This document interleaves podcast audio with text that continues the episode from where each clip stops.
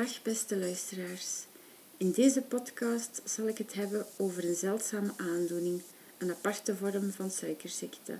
Dit noemt reactieve hypoglycemie. En zoals je misschien al in mijn vorige podcast hebt kunnen beluisteren, komt deze zeldzame aandoening doordat ik POTS heb gekregen.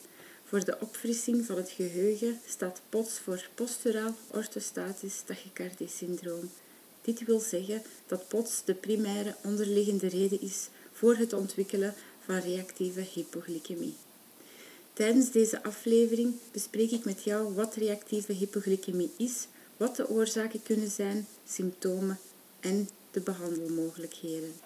Ook wil ik alvast vermelden dat mijn podcast en zijn inhoud nooit het advies van een medisch gespecialiseerde arts vervangt en ik jou ook aanraad dat wanneer jij jezelf herkent in bepaalde symptomen contact dient op te nemen met je behandelende arts. Reactieve hypoglycemie verwijst naar een lage bloedsuikerspiegel die optreedt na een maaltijd, meestal binnen 3 tot 4 uur na het eten. Dit is verschillend van een lage bloedsuikerspiegel, dus hypoglycemie, die optreedt tijdens het vasten. De definitie van reactieve hypoglycemie is dus dat het een aandoening is waarbij de alvleesklier hevig reageert op ingenomen simpele koolhydraten en suikers door een overdreven hoeveelheid insuline af te geven. Insuline is dan weer het hormoon dat ervoor zorgt dat suiker vanuit de bloedbaan de cellen kan binnendringen. Binnen cellen dient suiker als primaire, dus hoofdnoodzakelijke energiebron. Deze ongepaste stijging van insuline zorgt ervoor dat de bloedsuikerspiegels dalen en hypoglycemische klachten veroorzaakt die erg lijken op een gewone hypoglycemie en ook kunnen leiden tot een echte hypoglycemie. Hoe laag de bloedsuikerspiegel daalt is individueel erg verschillend. Reactieve hypoglycemie is in symptomen erg gelijkend op een gewone hypoglycemie ook wanneer metingen van de bloedsuikerspiegel daalt na de maaltijd, maar toch normale waarden weergeeft en veroorzaakt in het algemeen geen levensbedreigende comateuze hypoglycemie, maar is niet helemaal uit te sluiten.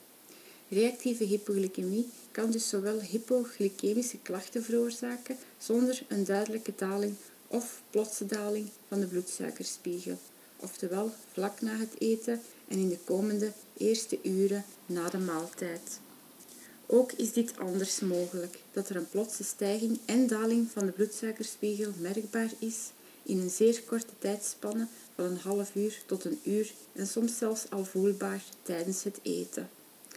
En bovendien hangt het af van de hoeveelheid ingenomen suikers en koolhydraten tijdens de maaltijd, hoe het lichaam reageert en ook dit is wederom per persoon verschillend. Het is een verwarrende aandoening die ook moeilijk te diagnosticeren is.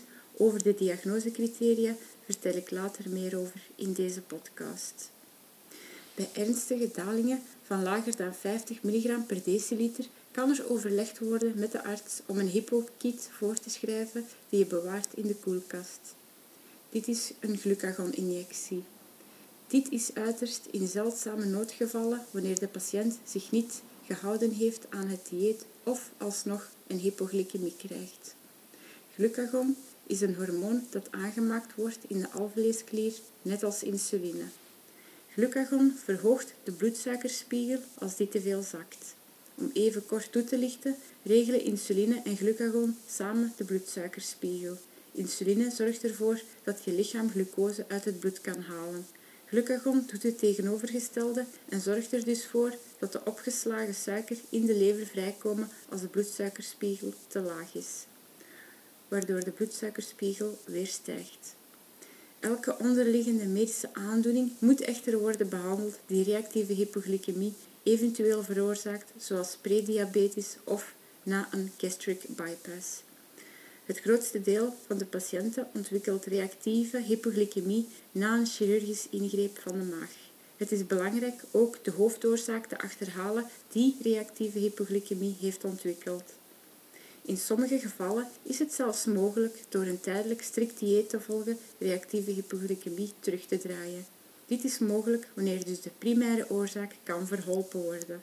In andere gevallen, door oorzaken die niet te genezen zijn, zoals POTS en maagverkleining, zal het zo zijn dat reactieve hypoglycemie chronisch aanwezig zal blijven.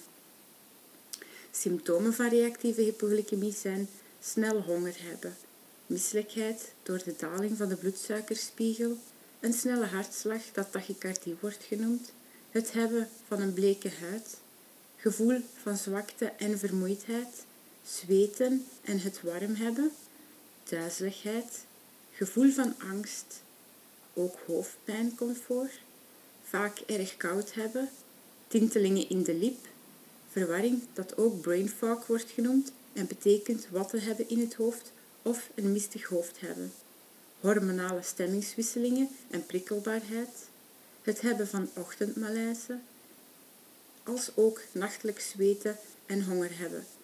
Niet alle patiënten met reactieve hypoglycemie kunnen hun bloedsuikerspiegel stabiel houden gedurende de nacht en zijn genoodzaakt kleine snacks te eten om dit stabiel te houden. Meestal slapen patiënten met reactieve hypoglycemie niet goed. Dit komt doordat het lichaam zich in een stressvolle toestand bevindt waarin de glucosewaarden niet hoog genoeg zijn en moet worden aangevuld. Tijdens de nacht kan de patiënt dalingen van de bloedsuikerspiegel krijgen, maar kan in de meeste gevallen het lichaam zichzelf herstellen en de bloedsuikerspiegel zelfstandig weer in balans brengen door gebruik te maken van de opgeslagen glucose in de lever die dient als voorraad. Tijdens de dag, wanneer je eet, slaat de lever extra glucose op in de lever om deze dan te gebruiken tijdens situaties wanneer het lichaam deze nodig heeft, bijvoorbeeld tijdens het sporten of inspanningen, maar dus ook gedurende de nacht. De eerste fase van een hypoglycemie wordt aanschouwd bij een daling van de bloedsuikerspiegel lager dan 70 mg per deciliter. De tweede fase ontstaat wanneer de bloedsuikerspiegel verder daalt, lager dan 60 mg per deciliter. Bij de derde en minder voorkomende fase, waarbij de bloedsuikerspiegel lager daalt dan 40 mg per deciliter, wordt beschouwd als een ernstige hypoglycemie die ook medische aandacht vraagt en de toepassing van de glucagon-injectie vraagt. Wanneer een patiënt klachten ervaart van hypoglycemie, kan individueel erg verschillend zijn. Patiënten kunnen als eerste symptomen van een hypoglycemie ervaren met een bloedsuikerspiegel lager dan 80 mg per deciliter. Herken tijdig de symptomen van een beginnende hypoglycemie en eet op tijd om een hypoglycemie te voorkomen. Suiker is de primaire reden die zorgt voor een hypoglycemie, snelle koolhydraten de tweede. Sommige patiënten kunnen een beginnende hypoglycemie niet tijdig voelen aankomen. Het lichaam geeft geen signaal bij een dalende bloedsuikerspiegel en wordt ook wel hypoglycemia unawareness genoemd. De oorzaak van hypoglycemia unawareness kan zijn dat het lichaam al vaak hypo's heeft doorgemaakt of doordat er zenuwen zijn beschadigd. Het dragen van een medisch ID-sieraad rond de hals of pols kan noodzakelijk zijn voor de medische hulpverlening bij het risico van ernstige hypoglycemie. Voor de meeste mensen met reactieve hypoglycemie is de werkelijke oorzaak van zijn oorsprong niet duidelijk, dus de primaire oorzaak.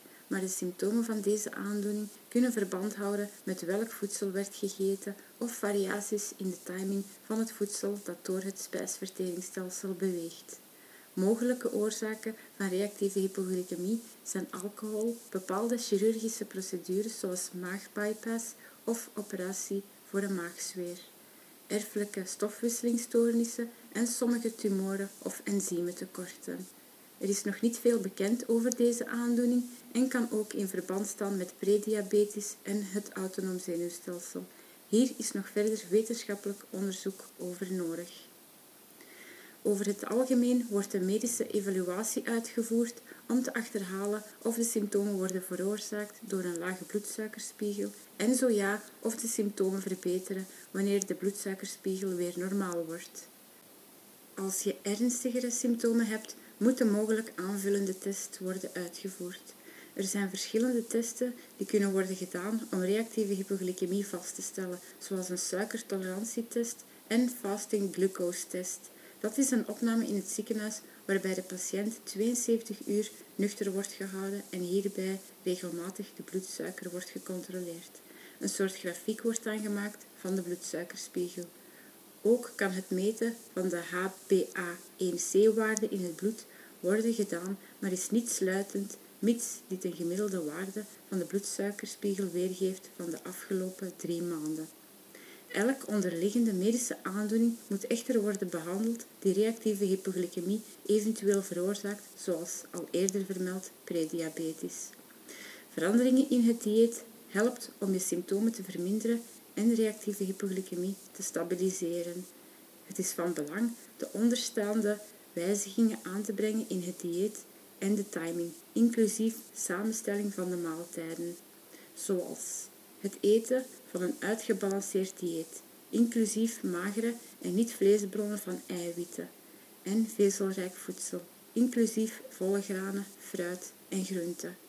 Vermijd suikerhoudend voedsel en bewerkt eenvoudige koolhydraten zoals wit brood of witte pasta, vooral op een lege maag. Let op voeding met een hoog glycemische index en lading. Het eten van meerdere kleine maaltijden en snacks gedurende de dag met een tussenpoos van ongeveer 2-3 uur tijdens de wakkere uren. Aardappelen hebben een hoge glycemische index. De glycemische index verhoogt wanneer aardappelen gebakken of gefrituurd worden en verlaagt wanneer je de aardappelen laat afkoelen en dus koud opeet. Dit heeft te maken dat aardappelen veel zetmeel, dus koolhydraten bevatten. Dit zetmeel is temperatuurgevoelig. Bij afkoeling wordt dit zetmeel resistenter, waardoor het niet zo gemakkelijk wordt opgenomen. Ongeschilde aardappelen hebben een nog lagere glycemische index. Zoete aardappelen hebben een gemiddelde glycemische index. De glycemische index is lager dan bij de aardappel, maar nog steeds niet heel laag. Het bevat inuline, dat is een soort voedingsvezel dus de glycemische index verlaagt. Ook hier weer een lage glycemische index indien ongeschild. Deze hebben niet zo'n sterk effect als gewone aardappelen wanneer je het laat afkoelen. Sommige patiënten reageren ook op fruitsuikers of natuurlijke suikervervangers, zoals stevia en trage koolhydraten, zoals haver. Wanneer er na enige tijd stabiliteit van de bloedsuikerspiegel met behulp van het dieet is bereikt, kan er voorzichtig geprobeerd worden om bepaalde fruit en groenten in het dieet toe te voegen. Ook is het dieet voor elk persoon anders en is het van belang om een voedingsdagboek bij te houden om eventuele triggers op te sporen, zodat deze kunnen worden geëlimineerd. Het bijhouden van een safe en trigger voedingslijst kan je hierbij helpen. Probeer te onderzoeken hoeveel gram koolhydraten per dag je nodig hebt en maximum kan verdragen zonder een nadelig effect van de bloedsuikerspiegel te verkrijgen. Er wordt aangeraden een diëtiste te, te, contacteren voor meer informatie en ondersteuning bij het begin van dit dieet. Ook kan het dragen van een CGM, dat is lang uitgezegd een Continue Glucose Monitoring, helpen bij het vaststellen van reactieve hypoglycemie. Ook is deze erg waardevol om te ontdekken welke voeding een hypoglycemie veroorzaakt en wanneer er moet worden gegeten hoe de bloedsuikerspiegel zich al dan niet op bepaalde delen van de dag kan stabiel houden, ook gedurende de nacht. Helaas wordt de CGM in België niet vergoed door het ziekenfonds, omdat dit niet valt onder de conventie van diabetici. Een CGM kan namelijk plotse stijgingen en dalingen van de bloedsuikerspiegel waarnemen die de meting aan de hand van een vingerprik niet kan onderscheppen. De CGM-sensor meet de bloedsuikerspiegel iedere minuut. Reactieve hypoglycemie vereist meestal geen medische behandeling. Sommige antidiabetica kunnen helpen om de glucose in het bloed te stabiliseren, zoals metformine, ook wanneer de arts vermoedt dat deze patiënten prediabetes kunnen hebben. Metformine werkt door de hoeveelheid suiker die de lever in het bloed afgeeft te verminderen. Het zorgt er ook voor dat je lichaam beter reageert op insuline. Deze medicaties en hun positieve werking is echter nog niet volledig bewezen en heeft niet op elk patiënt een gunstig effect, waarvan helaas ik een patiënt dus ben waarbij het geen effect heeft. Metformine kan bijwerkingen veroorzaken, zoals wel bekend het remmen van de eetlust en dat is niet erg handig bij patiënten die een verstoorde maagwerking hebben, zoals ik. Omgevingsfactoren kunnen ook een grote rol spelen bij het regelen van de bloedsuikerspiegel, fysiek emotioneel en de leefomgeving. Bij de downloadpagina op mijn website vind je een gedetailleerd artikel welke zaken ook invloed hebben op de bloedsuikerspiegel. Intensieve sport of inspanningen hebben ook een invloed op de bloedsuikerspiegel. Suiker is de hoofdenergiebron van ons lichaam die ons voorziet van energie in het lichaam en hersenen. Het lichaam haalt bij inspanningen glucose uit de spieren als energiebron. Zorgt dus voor voldoende aanwezigheid van glucose in het lichaam alvorens een inspanning te leveren of bepaalde sport uit te oefenen en herkent tijdig de eerste signalen van een eventuele hypoglycemie. Ook kan wederom beweging en inspanningen ervoor zorgen dat de bloedsuikerspiegel stijgt doordat de lever glucose vrijlaat in het lichaam, die is opgeslagen als reserve om de bloedsuikerspiegel stabiel te houden. Dit gebeurt ook s'nachts. De lever kan 100 tot 120 gram glycogen opslaan en gebruiken wanneer nodig. Dat is tot wel 10% van de lever. De spieren kunnen 300 tot 600 gram glycogen opslaan. Er wordt aangeraden actie te ondernemen en iets te eten wanneer de bloedsuikerspiegel daalt tot 80 mg per deciliter. Een studie over een mogelijke link tussen reactieve hypoglycemie en dysfunctie van het autonoom zenuwstelsel kan je ook lezen op mijn website. Als ook suikervrije recepten helemaal gratis beschikbaar voor jou en iedereen die hierbij geholpen kan zijn. Vergeet dan ook zeker niet te kijken op de pagina van de Voedselindex. Daar vind je alle producten terug waar ik mee werk, die suikervrij zijn en geen simpele koolhydraten bevatten met info waar het product precies vandaan komt. Dus waar ik het heb gekocht met de bijhorende foto. Ik dank je hartelijk voor het beluisteren van deze podcast en als je vragen hebt, kan je surfen naar mijn website www.glutiano.be of mailen naar mij op het mailadres mail.glutiano.be. Ik wens je veel succes en je hoort me later weer in een nieuwe aflevering. Tot ziens!